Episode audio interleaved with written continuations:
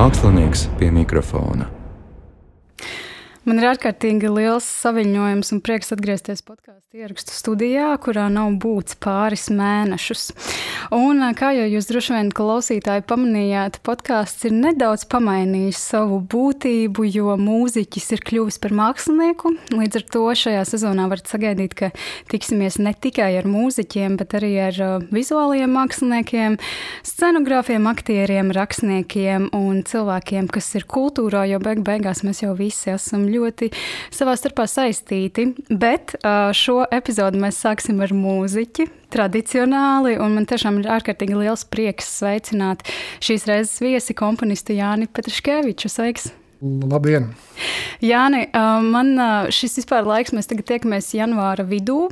Tas daudz liek domāt par jauno gadu, par to, kas ir aizgājis, par to, kas vēl būs. Tas, protams, liek arī domāt par slavenajām jaungada apņemšanām. Vai tu tām tici? Es šķiet, šķiet ka tā kā arī laikam, jā, katra, katra gada beigās un, un gada sākumā es tā kā mēdzu savā galvā pārdomāt, ka, kas ir kaut kāds aizvadītā gada. Man tā liekas, tā kā tāda highlight, jeb tā kā tādas, teiksim, būtībā virsotnes, ko man ir patīk, kam atcerēties un, un mēģināt ieskicēt un pārdomāt, kas ir jau tas, ko es kā, varu paredzēt vai plānot attiecībā uz, uz jauno gadu tādu, kas varētu arī būt tāds, teiksim, iedvesmojošs. Un, un, un šajā gadā šķiet, ka nav, nav tā kā izņēmums. Jā, ka, ka ir tāpat, tāpat bijis. Vai tas vienmēr ir saistīts vairāk ar kaut kādiem darba pasākumiem, projektiem, vai arī kaut kādām, es nezinu, arī personīgām lietām? Jā, nu, nu, noteikti, ka gan, gan, jo, jo šajā iepriekšējā gadā man, man bija tādi nu, trīs, varētu teikt, pīlāri notikumi, no kuriem noteikti pirmais bija, bija dēla Harija piedzimšana. Un, un tā kā jā, te, teiksim, tās, tās lietas īstenībā, nu, man šķiet, ka teiksim, būtībā māksliniekam viņas ir nu, īpaši varbūt sasaistītas, jo, jo bieži vien jau tieši nu, arī, nu, arī būtībā dzīve ir, ir tas, no kā nu, tu e, smel. Tu vari parunāt par to, kādi varbūt ir tavi lielie mērķi jaunajam gadam, vai tas ir saistīts ar profesionālo vai, vai Jā. personīgo. Jā, nu, te, nu, te teiks, teiksim, jāsaka tā, ka, ka šķiet, ka šajā brīdī tādas manas, manas pašas paš lielākās gaidas ir ir 29. janvārs, kad ir ieplānots Latvijas simfoniskās mūzikas liela koncerts, bet tajā pašā laikā arī būtībā bažas, jo nu, es, es saprotu vienkārši reālo situāciju, ka teiksim, omikrons ir ārkārtīgi lipīgs. Un, un ka tā iespēja acīm redzot arī pastāv tāda, ka, ka tur kaut kas nesanāk. Tā kā ir, ir gan tādas milzīgas gaidas, gan bažas reizē var būt. Un, Un otra lieta, nu jā, tas pamatā laikam gan man saistās jau tagad ar komponēšanas darbiem. Blakus tam, ka, kā, protams, gribās nepārtraukti redzēt to, kā, kā teiksim, Harijs aug un attīstās, un, un kā ar katru mēnesi kaut kas tāds pienāk. Klauta ieminējies īstenībā par to pašu omikronu, un es pieļauju, ka ļoti daudz jau ir noguruši no visiem šiem jautājumiem un visu laiku par to runāt. Man liekas, svarīgi ir tomēr runāt par to, kāda ir tā tava sajūta. Tagad mēs jau kādus divus gadus drīz jau iesim tādā konstantā Covid pandēmijas dzīvošanā, parādās atkal šie jaunie kaut kādi varianti vīrusa. Kādas ir tās tavas sajūtas par to? Tu vēl joprojām turpini ar tādu cerību dzīvot, vai tomēr ik pa laikam ir kaut kādi nolemtības brīži? Mm -hmm. nu, tā kā jāsaka, īstenībā tā, tādas samērā pretrunīgas izjūtas. Jo, jo no vienas puses es, es skatos uz to lietu kā uz kaut kādu veidu būtībā nelaimi kas eh, ļoti daudz cilvēkus eh, skar, teiksim, būtībā traģiskā veidā. Un, No tā viedokļa es nekādā ziņā negribētu to kaut, kaut kādā veidā būtībā romantizēt. Bet tajā pašā laikā, ja es skatos tieši uz, uz savu personīgo dzīvi, tad man šie pēdējie divi gadi ir bijuši radoši ārkārtīgi piesātināti. Ja? Un, un tieši tas, ka no ārpus ir bijis kaut kāda veida spiediens, kā vairāk ieklausīties sevi un, un, un, un būt saskarē ar sevi, tad uh, man tas ir būtībā veicinājis jaunas pozitīvas lietas. Oi, cik forši. Es domāju, mēs īstenībā šīs pozitīvās nots varētu arī noslēgt mūsu ievadošo sarunu. Mēs ar tevi arī pagājušajā nedēļā tikāmies Zoomā, lai uh, satiktos atkal pēc ilgiem laikiem un uh, mēģinātu saprast, par ko mēs varētu šodien runāt. Un tas lielais jautājums un tas lielums šodien mums būs ar nosaukumu logo neiroze kas, manuprāt, ļoti daudziem ir kaut kas nezināms. Katrā ziņā es arī šobrīd šeit sēžu un patiešām uz sarunu nevaru sagaidīt, jo man ir sajūta, ka es uzzināšu tik daudz kā jaunu, kas man pirms tam ir bijis pilnībā apslāpts. Tu iesākumā varētu pastāstīt, kas tas ir un kā tas ar tevi ir saistīts. Jā, nu varētu teikt tā, ka tas medicīniskais nosaukums ir tieši kā, kā tu teici. Logonēroze, tādā tautas valodā runājot, ne, tā būtu stostīšanās. Uh, un, nu, tas ir kaut kas tāds, jā, kas ir teiksim, būtībā jau, jau daļa no manas personības. Un es arī būtībā nekādā veidā nevairos uh, to tā teikt, tāpēc ka es ar pilnu apziņu arī saprotu to, ka tas ir kaut kas tāds, kas caurauž manu, manu dzīvi ļoti dažādos veidos, ja, gan, gan teiksim, intelektuāli, gan teiksim, emocionāli. Tā ir principā lieta, kas eh, skar, kā es esmu lasījis, apmēram 1% pasaules iedzīvotāju. Un, uh, viņai nav izpētīti būtībā cēloņi. Tas nav skaidrs, ja, kas var, var būt tās kaut kādā ziņā šķiet, šķiet īpatnēji, jo ņemot vērā to, ka pamatā jau ir priekšstats par to, ka mūsdienu pasaulē te viss ir ārstējams un teiksim, izārstējams.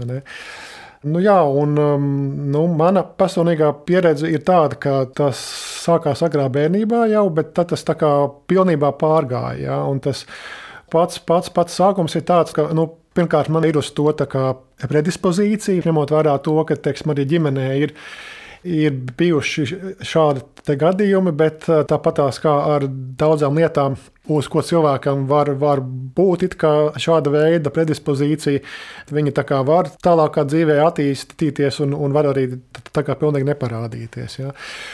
Un to pašu sākumu atcerās manējie vecāki. Es biju vienkārši pārāk mazs, lai to atcerētos. Un tas bija laiks, kad man bija apmēram divi gadi, un es ārkārtīgi smagi slimoju. Es apmēram pusgadu biju nepārtraukti slims. Iesākumā es biju pat reanimācijā ar laringītu, kas pārgāja tālāk uz vidusceļa iekaisumu un uz, uz, uz karoku lepu. Tas pamats vienkārši bija tāds, ka es biju vienkārši absolūti izsīts. Mani resursi bija, bija, bija ārkārtīgi izsmelti. Un tad man vienkārši stāsta to, ka vienas dienas laikā es esmu pēkšņi pazaudējis runas spējas. Ja. Arī mani vecāki bija, protams, ārkārtīgi uztraukušies un bija meklējuši veidus, kā to ārstēt. Tad tas bija pats, pats vienkārši izgājis. Būtībā visu savu bērnību un arī pirmos skolas gadus es atceros kā tādu ārkārtīgi saulainu un, un gaišu laiku kur man būtībā vispār par kaut kādu veidu šādu problēmu, kā teiksim, būtībā runāšanas grūtības, man pilnīgi nebija. Nekā tāda, un es vadīju klases vakarus. Man tā kā ārkārtīgi patīk īstenībā runāt, un, un man patīk būt. Nu, ar savu arī viedokli, piedalīties, iesaistīties, mēģināt kādu, kādu, kādu pārliecināt. Ja, un, attiecīgi, tajos jaunajos gados es arī to pilnībā varēju būtībā realizēt, un es jutos absolūti laimīgs ar, ar to, kā dzīve iet uz priekšu, un tad tas iesāk mainīties, jā, kad man bija, bija desmit gadi. Es, es pēkšņi vienkārši atceros to sajūtu, ka tu vienkārši vēlies pateikt kaut ko, un tev ir tā tāda būtībā fizioloģiska bloka sajūta. Ja, tu tā kā vēlies kaut ko teikt, bet tu vienkārši nespēji to, to izdarīt. Ja. Nu, jā, un tā kā jāsaka, laikam, ka tieši tie skolas gadi laikam arī bija tādi viss tā emocionāli sarežģītākie, jo tā bija e, pilnīgi jauna pieredze, ne, ar ko tev tagad ir pēkšņi jātiek galā. Un, un mani vecāki, protams, mēģināja visādos veidos palīdzēt, meklējot teiksim, logopēdu palīdzību.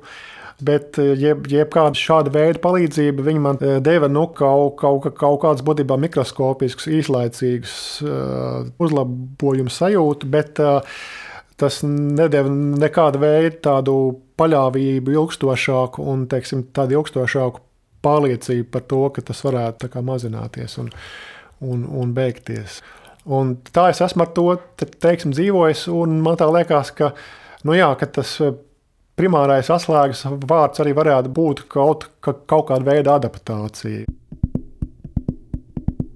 Man liekas, ka tajā ziņā man palīdz būtībā analītiskā domāšana, kas man būtībā ļauj nepārtraukti analizēt tās situācijas un teiksim, mēģināt saprast, ko, kāpēc es daru tieši tādā veidā, un kādā veidā to varētu nedaudz mainīt vienā vai otrā veidā. Ja.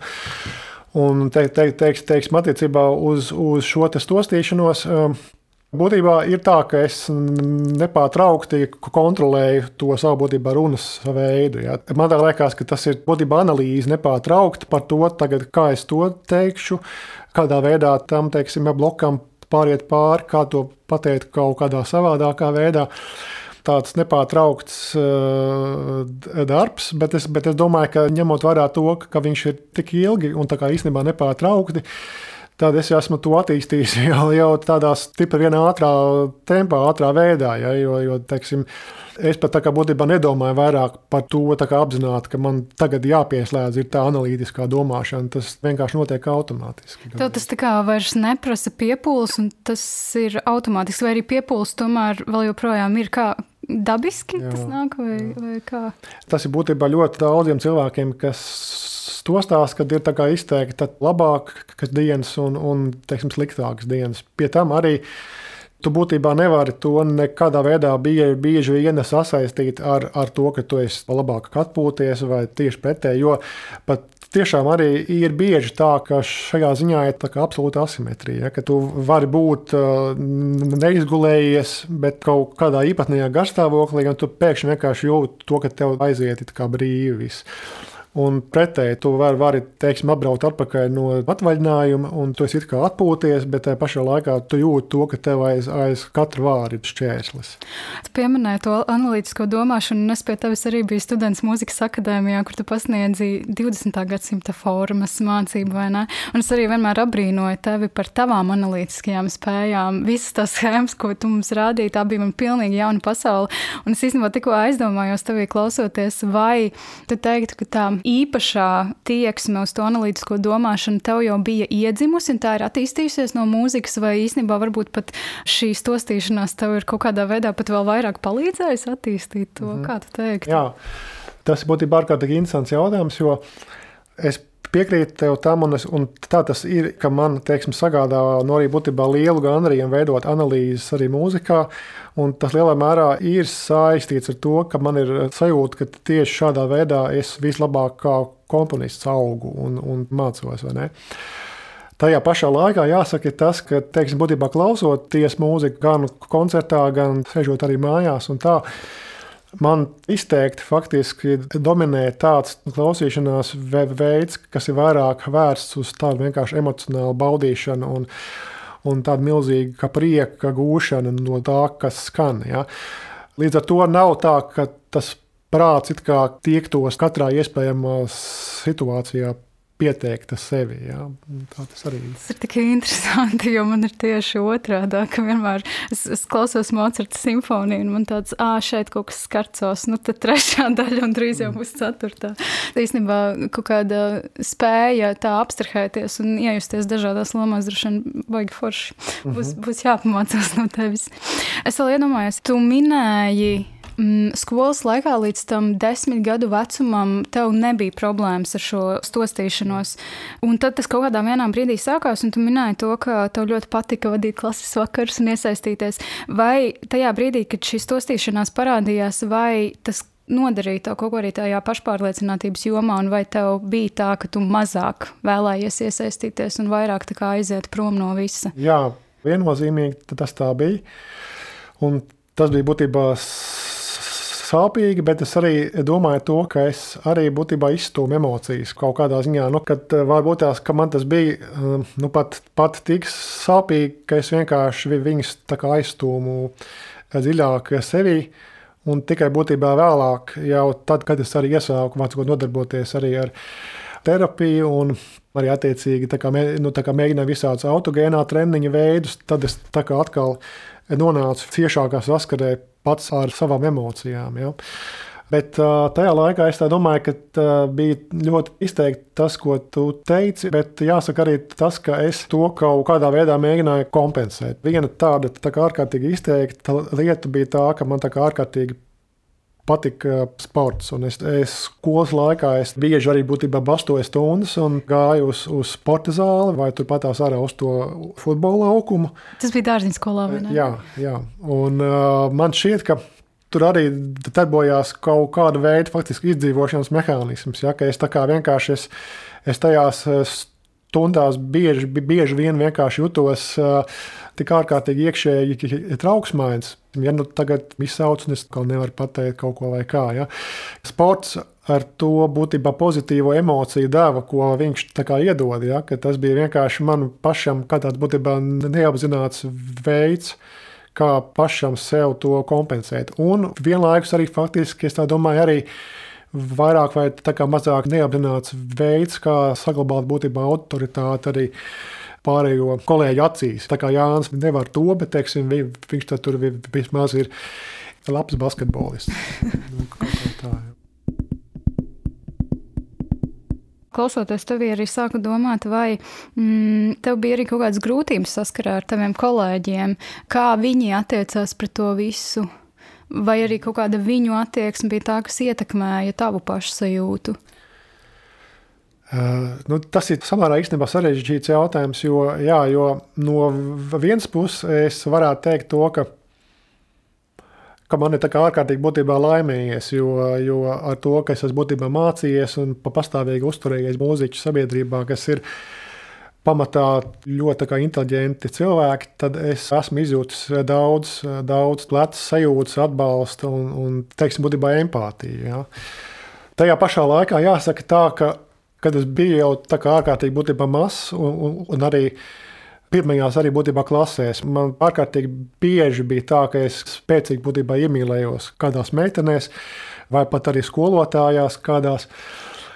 Un Pēc tam man bija pēkšņi tā sajūta, ka es kā kaut kādā ziņā vardarbīgi tieku no tā atrauc, ka es tā kā vienkārši nespēju vairāk būt tik spontāns un tur kaut ko vārds, ko jauku izdarīt, vai pateikt jauku, vai kā. Ja? Nu, man it kā ir kaut kāda veida būtībā neredzama siena, kas man to būtībā liedz. Ja? Un, un varbūt tās, ka šī šķautne, kaut kāda sevis apspiešana, es pat teiktu, un tāda, tāda baidīšanās būt, būt spontānam, jo acīm redzot, baidīšanās no tā, ka tevi atraidīs un ka par tevi pasmiesies vai kaut kā tā. Ja? Bet tas pat bija vairāk būtībā manā iztēlē, jo nevarētu teikt, ka Varbūt tās ka bija tikai kādas pāris reālas situācijas, kurās kaut ko tādu arī piedzīvoju, bet vairāk tas bija vienkārši manā iztēlē un tajā, kā es vienkārši izjūtu sevi kā komunicēt eh, spējīgu cilvēku. Jā. Man īstenībā liekas, ka tas ir arī pavisam normāli, jo arī tā padomājot, visticamāk, tu tajā laikā nepazini nevienu cilvēku, kuram būtu līdzīga situācija, vai ne? Mm, tā tas bija, jā. Tā tas bija, jā. Droši vien kaut kāda izolētības sajūta arī. Jo ir jau zināms, ja mēs neredzam kaut kādas lietas bieži, ja mēs redzam vienu lietu vienu reizi, tad mums tas mazliet šokē, jo mums nav bijusi tāda pieredze. Vai tu varētu teikt, ka tas varbūt arī nostrādāja tajā, kā tu par to jūties, par spīti tam, ka nu, cilvēki varbūt tik bieži nekādas negācijas tev neizrādīja? Jā, tas tā varētu būt, kā tu saki, bet ir arī tāda arī būtiska lieta, ka Es tā kā alaži esmu arī kaut kādā ziņā mēģinājis no tā arī pats, varbūt tās kā veids, kāda, kādā tam stāvēt pāri, ka sevi it kā pārlieku it kā neasociēt ar to. E, tādā ziņā, ka man vēlāk, jau, jau, kad man jau bija pāri 20 gadiem, man vienreiz e, piedāvāja iesaistīties arī būtībā profesionāli. Būt kā teiksim, cilvēkam, kas ir palīdz arī citiem, ka, kam ir šādas lietas un ar padomu, ar to analītisko domāšanu un tā. Ja? Un es padomāju par to, un beig beigās izlēmu, nē, ka es īstenībā nevēlos to, jo man ir sajūta, ka, ka, ka manā dzīvē jau tā ir jau pietiekoši daudz, ka es, ka es vēlos, lai citi cilvēki novērtē to, ko es daru. Savā mūzikā un savā darbā, un lai nav tā, ka es esmu būtībā profesionāls, es to stītu. Tas ir īstenībā ļoti jauki, jo televīzijā, man liekas, nesen bija arī mm, projekts, uh, cilvēks nevis diagnoze. Man tik ļoti patīk no tevis arī dzirdēt to. Um, šajā gadījumā es vēlētos jautāt, vai tev, mm, tagad paskatoties to savu dzīvi šobrīd, vai tev tas ir kaut kādā veidā traucējis, varbūt sasniegt to, ko tu vēlēsies, vai arī tu esi tieši tur, kur tu vēlējies būt? Uh, nu, ir dažas lietas, jā, kur man tas ir būtībā ierobežojoši. Man šķiet, ka teiksim, šī te iemesla dēļ es arī būtībā neesmu attīstījis uh, kaut kādu veidu aktīvāku akadēmisku konferenču apmeklēšanu, kaut ko tādu. Ja? Jo man ir, ir pāris vienkārši šāda veida pieredzes bijušas, un es tam esmu izgājis cauri, un es zinu, ka to var izdarīt. Bet nu, tas ir priekš manis vienkārši tā, tāds pārāk būtībā liels izaicinājums. Ja? Tajā pašā laikā es arī vēlos nu, padalīties ar vienu pieredzi, kas man pašam ir nu, tāds brīnumains stāsts priekš manis paša, kas ir stāsts par to, kā es esmu arī vienreiz e, spējis ļoti atbildīgā situācijā un tādos objektīvi arī samērā sarežģītos apstākļos. Būtībā norunāta gandrīz spīdoši. Ja? Un tā bija reize pirms e, jau tagad astoņiem gadiem, kad, kad es aizstāvēju savu, savu doktora disertāciju. Ja? Un es pilnībā apzinājos tā notikuma svinīgumu, varētu teikt. Un tur bija, bija pilna būtībā akadēmijas LMT zāle, un man tagad ir pašā priekšā jārunā. Un, uh, es biju būtībā visos veidos uh, maksimāli būtībā sagatavots. Ja. Man bija uztaisīta prezentācija, es, es pat teikumiem būtībā zināju, ko es uh, teikšu. Un es arī būtībā zināju to, nu, tā ir arī viena, viena lieta, ja, ka tā kā ārkārtīgi palīdz arī būtībā humors. Tas ir arī gan man pašam sevī, gan arī no teiksim, to cilvēku puses, kas ar maniem sarunājās vai teiksim, manī klausās. Es no pieredzes vienkārši zinu to, ka tajās reizēs, kad par to var, var pat kaut kādā veidā kā nedaudz labestīgi pasmaidīt, vai teiksim, tā, ka es tā absolūti nezjūtu to kā kaut kādu veidu uzbraucienu, bet drīzāk vienkārši tā kā tādu vaika nolaišanu. Ja. Un tajā reizē bija tas, ka es biju vienkārši iepriekš paskatījies vienas norvēģu grupas eh, video, kur ir ārkārtīgi asprātīgi uztaisīts tas eh, video inscenējums. Nu, arī ar mērķi vienkārši sevi arī kaut kādā ziņā ietjūnēt uz tādas nu, arī būtībā humorīgas nots. Ja. Mm -hmm. Man teiksim, izdevās būtībā, es pat sev diriģēju nedaudz arī līdzi. Un es biju vienkārši pats kā, pilnībā par to pārsteigts. Man tā liekas arī, ka kā, apkārtējie bija tā tādi pozitīvi šokēti, jo, jo neviens vienkārši nebija gaidījis kaut ko tādu. Un tas, un tas būtībā nozīmē to, ka, jā, nu, ka acīm redzot, kaut kas tāds kā tāda pašhipnoze vai tāda sevis tā kā tāda, nu, būtībā galēja iedvesmošana. Ja, nu, tu vienkārši sevi radi kaut kādu veidu izjūtas, kaut kādu veidu apstākļus, kur tu, kur tu izdari to, ka, kas tev liekas, ka tu nemūžam nebūtu spējīgs kaut ko tādu izdarīt. Es ar tādu prieku klausos šajā stāstā, man liekas, kolosāli. Vai to varētu arī varbūt, nosaukt par savu veidu rituālu, tas humors, kas tev ir? Jā, tas ir viena veida rituāls. Nu, ir būtībā divas lietas, man liekas, ko es esmu piefiksējis, kas ir visrelaksējošākās attiecībā uz saikni ar citiem cilvēkiem. Ja, ka viena ir tā humorīgā stīga, Un tad, protams, otra laikam ir tā, ka, ja es sajūtu, ka otrs cilvēks pilnībā koncentrējās uz to saturu, ko es stāstu, un ka viņš tā kā īpaši nepievērš uzmanību, kā tas tiek teikts. Tās ir tās man viss kaut kādā ziņā ērtākie sarunas modeļi, jo tie man pa palīdz būtībā pašam tās sarunas vai situācijas gaitā būtībā nomierināties un, un, un tā iegūt tādu stabilāku stāvokli. Vai tad varētu teikt, ka tas ir saistīts ar smadzeņu darbību un arī kaut kādu psiholoģisko, emocionālo stāvokli? Cik, respektīvi, cik varbūt kaut kādos brīžos ir grūtāk norunāt bez apstāšanās? Jā, nu, tur, tur ir būtībā iesaistīts viss, varētu teikt. Tā ir nu, smadzeņu uzbūves īpatnības, tās ir. Bet tādā manā pašajūta ziņā tas ir būtībā emocionālais un, un, un psiholoģiskais aspekts. Bet, kā jau minēju, tas nav vienu, vienmēr tik lineāri. Ja, tagad, pirms mēs būsim tur, teiksim, bēdīgs, un tāpēc es tā vairāk stostīšos, un, un pretējā gadījumā. Ja. Tiesa būtībā laikam, tomēr nu, kaut kāda veida lielāka iespēja laikam ir tāda, ka, teiksim, ja es pūšu, tad tāds tā izteikti sanervozējies vai, vai teiksim, arī dusmīgs, ka tad ir tā kā lielāka iespēja. Tāpēc arī iespējams es vairos no, no tādām aktīvām konfrontācijām ar cilvēkiem, jo, jo es vienkārši zinu to, ka, ka es vienkārši atstāšu pilnīgi muļķīgu iespēju, es vienkārši iesākšu vairāk stostīties. Un, un man teiksim, būtībā nebūs iespēja pārliecināt ar tādiem skaidriem argumentiem, bet tas drīzāk radīs tādu nepareizu iespēju. Es, es vēlētos atgriezties pie tā, ko tu teici par tiem 20 gadiem, kad tev piedāvāja profesionāli iesaistīties, varbūt palīdzēt arī citiem, bet tu nevēlējies to darīt, jo tu gribēji, lai tevi novērtē par tavām kompozīcijām. Tā, un es īstenībā pati no savas pieredzes ar tevi varu teikt, ka tas ir lieliski izdevies. Jo patiesībā arī tad, kad es pie tevis studēju, es kaut kā pamanīju to, ka ir tā stostīšanās, bet tas nekad nebija kaut kāds. Tas pirmais, kas man ienāk prātā, visinteresantākais tiešām bija tas saturs, ko tu mums stāstīji un iedevi. Tā kā, jā, tas, manuprāt, ir lieliski izdevies. Jā, tas, tas ir būtībā labākais kompliments, ko man var, var pateikt. Jo man tas patiešām, nu, varētu teikt, ka tā ir viena tā ārkārtīgi svarīga lieta. Man bijis, ka man ir ārkārtīgi bijis. Pašam būtībā svarīgi tas, lai man tas netraucē profesionāli. Ne? Un, jā, jo, jo, jo teiksim, man tā liekas arī, ka tas ir tas, kas arī vēl tajos nu, pusauģu gados, vēl bez sporta, ja, ka bija tā ārkārtīgi spēcīgā mīlestība uz, uz mūziku.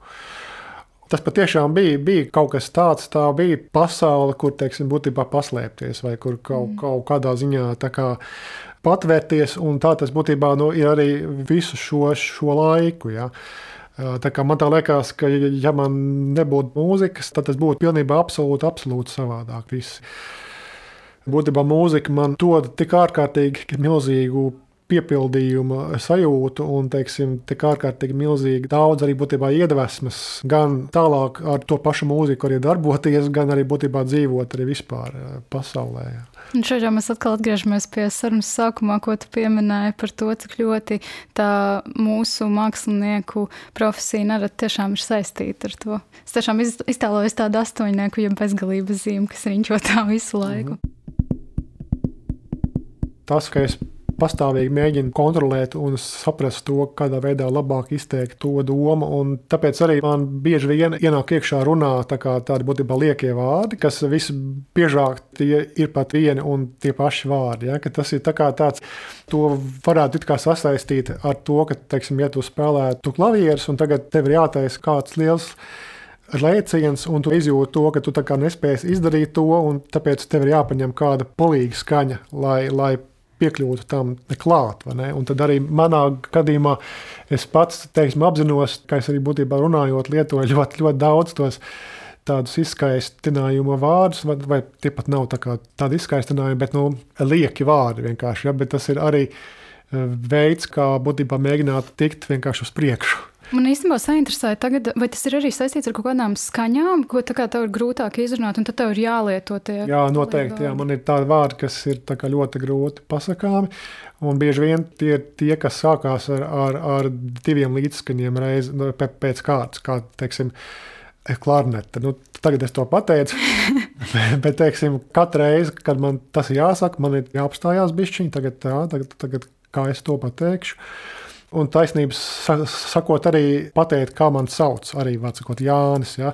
Tev it kā nav kā iespēja improvizēt, jo patiesībā ir tā, ka runas pieeja, kādu ir viss patīkamāk man pašam būtībā realizēt. Tā ir tā kā, tāda būtībā iedvesmota improvizācija. Tēma tu pārzini, par ko tu stāstīsi, bet, bet tajā pašā laikā tu vari pilnīgi brīvi izmeklēt to ceļu, kā tam iziet cauri. Ja? Un ka tev ir tie vārdi, kur tu nekādā veidā nevari izlocīties, kur vienkārši apsaka Jānis.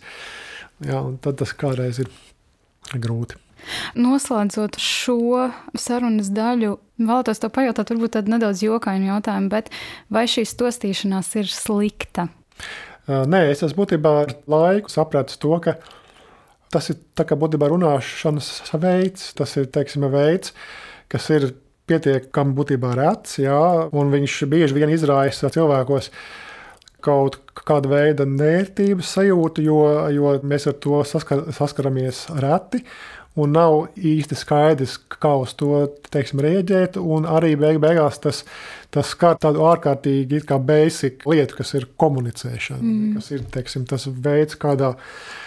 Kādā cilvēka veido savus savstarpējās attiecības. Bet uh, es neuzskatu, ka tas ir kaut kas slikts tieši. Uh, Tāpat tās kā dažādas citas lietas pasaulē, ko cilvēki dara gan tādā veidā, gan tādā veidā, gan tādā. Tāpat arī būtībā runāšana, man liekas. Mākslinieks pie mikrofona atpūšas. Jāni, tu daudz minēji to, ka tev mūzika ir ārkārtīgi, ārkārtīgi svarīga, un tu to izbaudi. Bet vai ir arī kaut kas cits bez mūzikas, ko tu dari brīvajā laikā? Jā, varētu teikt, ka tāda vis, vis, vis, vis svarīgākā lieta, kas man ir blakus mūzikai, tā ir ģimene mana. Man īpaši patīk divas lietas. Viens ir iet garās pastaigās, īpaši gar jūru. Un man ārkārtīgi patīk kafejnīcas. Oh. Es esmu īpaši iemīļojis franču kafejnīcu. Oh. Un, uh, jā, man teiksim, vienkārši tā, tā sajūta, ka tā kā, kā ir kaut kas tāds tā absolūti nepiespiests un lēni ejošs laiks bez tāda stresa. Tā, tā ir viena tāda lieta. Un, jā, man teiksim, ārkārtīgi arī patīk īstenībā sports, uh, dažādi veidi. Uh, es dažādos eh, savas eh, dzīves posmos esmu aizrāvies ar teiksim, noteiktiem sporta veidiem. Eh, skolas laikā tas bija basketbols un, un īpaši futbols. Un tagad pēdējos gados es spēlēju galda tenisu. Un man tā kā īstenībā man, man patīk arī šachs, bet, bet es spēlēju pats samērā maz, bet es gandrīz perfekti orientējos šī brīža pasaules šaha jaunumos, kas ir vadošie šahisti. Uh, un kādi ir teiksim, arī turnīri, un kas, kur, kur ir vinējis.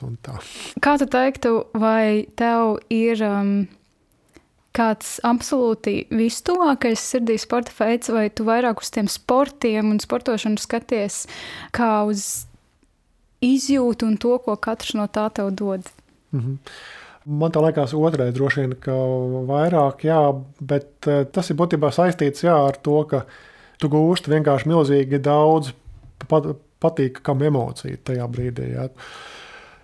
Tev ir gan, tā fiziskā iesaiste, gan tajā pašā laikā tas spēles prieks, tā tāds būtībā bērnišķīgs, vienkārši prieks par to, ka tu spēlē spēli un ka tu esi iesaistīts kaut, kaut kādā tādā, tādā spēles situācijā. Teiksim. Jauki. Vēl pēdējais, ko es vēlētos tev pajautāt, jo man tas vienmēr ir alaži interesēs, it īpaši sakojot taviem Facebook ierakstiem, jo tu tur ļoti bieži liec mūziku, kolosālu mūziku, un it īpaši tagad, kad uh, dēls Harijs ir piedzimis, tu arī bieži vien ieraksti, ko Harijs klausās, un tur var novērot, piemēram, ka Baha invencijas vai, es nezinu, Goldberga variācijas varbūt bija, un nesen arī tu ielika Britnijas Spīrsas popdziesmu. Kādu mūziku tu klausies vispār arī varbūt tajā savā brīvajā laikā, jo nav noslēpums, ka profesionāli tas ļoti saistīts tieši ar akadēmiski laikmetīgo mūziku, bet kas varbūt ir vēl kāda Jāņa Patriškeviča interesējošā šķautne mūzikā? Jā. Jā, nu, noteikti, ka pamatā jāsaka laikam tā, ka es samērā maz orientējos popmūzikā. Tās tā reizes, kad es kaut ko būtībā klausos, tad tas ir, teiksim, kādas dziesmas, ko man kāds ir ieteicis, atsūtījis vai kā. Ja? Bet, teiksim, Nu, tā mana pasaule pat tiešām ir klasiskā mūzika, ietverot gan laikmetīgo mūziku, gan, gan arī tāpat arī būtībā senāku mūziku. Un, uh, mani, mani vienmēr īstenībā ir interesējusi vienmērīgā pakāpē gan laikmetīgā, gan arī būtībā klasiskā senāka mūzika. Teiksim, būtībā cita lieta, kā komponists, ne, ka es arī tā, tā kā asociēju sevi ar to, ka es piedaru kaut kādai muzikālai domāšanai, kas izriet no teiksim, modernisma mūzikā un tā. Ja, bet, Bet teiksim, emocijas es gūstu ārkārtīgi spēcīgas arī no senākas mūzikas. Un komponists, kas man vienmēr no, jau, jau no, no skolas gadiem ir absolūti pirmajā vietā bijis Johans Sebastians Bachs. It īpaši viņa kantātes, un it īpaši šo kantāšu koru daļas ir tās, ko es varu tā bieži vien vienkārši. E, klausīties non-stopā pēc kārtas un vienkārši absolūti aizmirsties. Kas tev liekas, vai tā, tas aizmirstības moments ir tas, kas tevi tajā tik ļoti piesaista, ievelk? Man liekas, vienkārši tāda absolūta pilnība būtībā mūzikā. Nu, kad liekas, ka tur ir tā kā pilnīgi viss. Tur ir gan brīnišķīgas harmonijas, gan teiksim, brīnišķīga faktūra, tie teiksim, līniju vijumi, kādi tur ir. Ja? Gan tīpaši arī, ka tu vēl esi klausies arī brīnišķīgā interpretācijā, tad arī šo, šo, šo dziedātāju un teiksim, instrumentālistu tembri. Ja? Nu, tur ir tā kā tās sastāvdaļas man liekas, ir tik ārkārtīgi daudz, bet uh, pamatā tā ir kaut kāda veida būtībā garīga pieredze. Jā, nu tā ir, ir tāda brīža, kad es patiešām varētu teikt, ka es visspēcīgāk izjūtu kaut kādu veidu sasaisti ar kaut kādu, nu, kā ar, teiksim, augstāku spēku. Es nevaru nepajautāt, vai Harijam arī Bahs ir pie sirds, vai tomēr viņam kaut kas cits vairāk ir gājis. Jā, šķiet, ka līdz šim viņam viss vairāk ir patikuši īstenībā latviešu solo dziesmas. Man šķiet, var arī būt, ka tā ir tā vienkārši sagadīšanās, bet man šķiet, ka es viņam vairākas reizes pēc kārtas liku Alfrēda Kalniņa brīnos es. Jāņa Zābera atskaņojumā, jā, tad viņš bija tāds, nu, katrā ziņā vērīgs likās un, un, un, un tā, jā, tā kā kaut kas iespējams. Varbūt jā. nākotnē būs īstenis latviešu mūzikas mīļotājs. Jāni, mūsu noslēgumā es tev vēlētos jautāt jautājumu, ko es allaž jautāju viesiem podkāstu beigās. Vai tev ir kāds vēlējums vai kāds iedvesmojošs vārds, ko tu vēlētos klausītājiem vai nu tieši sakarā ar mūsu sarunas tematu novēlēt vai vienkārši dodoties prom, ļaujot cilvēkiem doties viņu dienas gaitās vai nakts gaitās, kāds jā, vēlējums, vārds. Mm. Jā, tas vēlējums īstenībā varētu būt kaut kādā ziņā saistīts ar tādu manu pēdējā laika būtībā novērojumu pašam. Un to, ko es esmu sapratis, burtiski kaut kādā pēdējā laikā par to, kas man šķiet, ir teiksim, arī mūzika ārkārtīgi svarīga, ka es aizvien būtībā lielāku vērtību dodu tam, uh, ko teiksim, arī Pēters Vasks saka attiecībā par saviem darbiem, ka viņam ir būtiski, lai beigu beigās klausītājam ir tā sajūta, ka, ka viņš ir saņēmis kaut ko būtībā labu, gaišu. Un man šķiet, ka, ka kā es pats mūzikā esmu daudz pieskāries arī tādām, nu, tādām būtībā tumšākām dvēseles stīgām. Un Pēdējā laikā man vienkārši aizvien vien vairāk šķiet, ka tas, ja komponists un būtībā cilvēks arī vispār, ja viņš uh, spēj un, un kādā veidā viņš spēj pārējos iedvest to gaišā, labestīgā sajūtu, tam ir īpaša vērtība, man liekas. Paldies, tev, Jāni, liels par šo sarunu. Paldies tev par šādu aicinājumu. Tas bija tiešām ļoti, ļoti vērtīgi. Tiešām esmu pateicīga Jānim, ka tu izgaismoji visas šīs tēmas. Un es domāju, ka mēs varam šobrīd atvadīties no mūsu klausītājiem. Tad jau tiksimies ar jums nākamnedēļ un visu labu! Paldies! Visu labu! Mākslinieks pie mikrofona.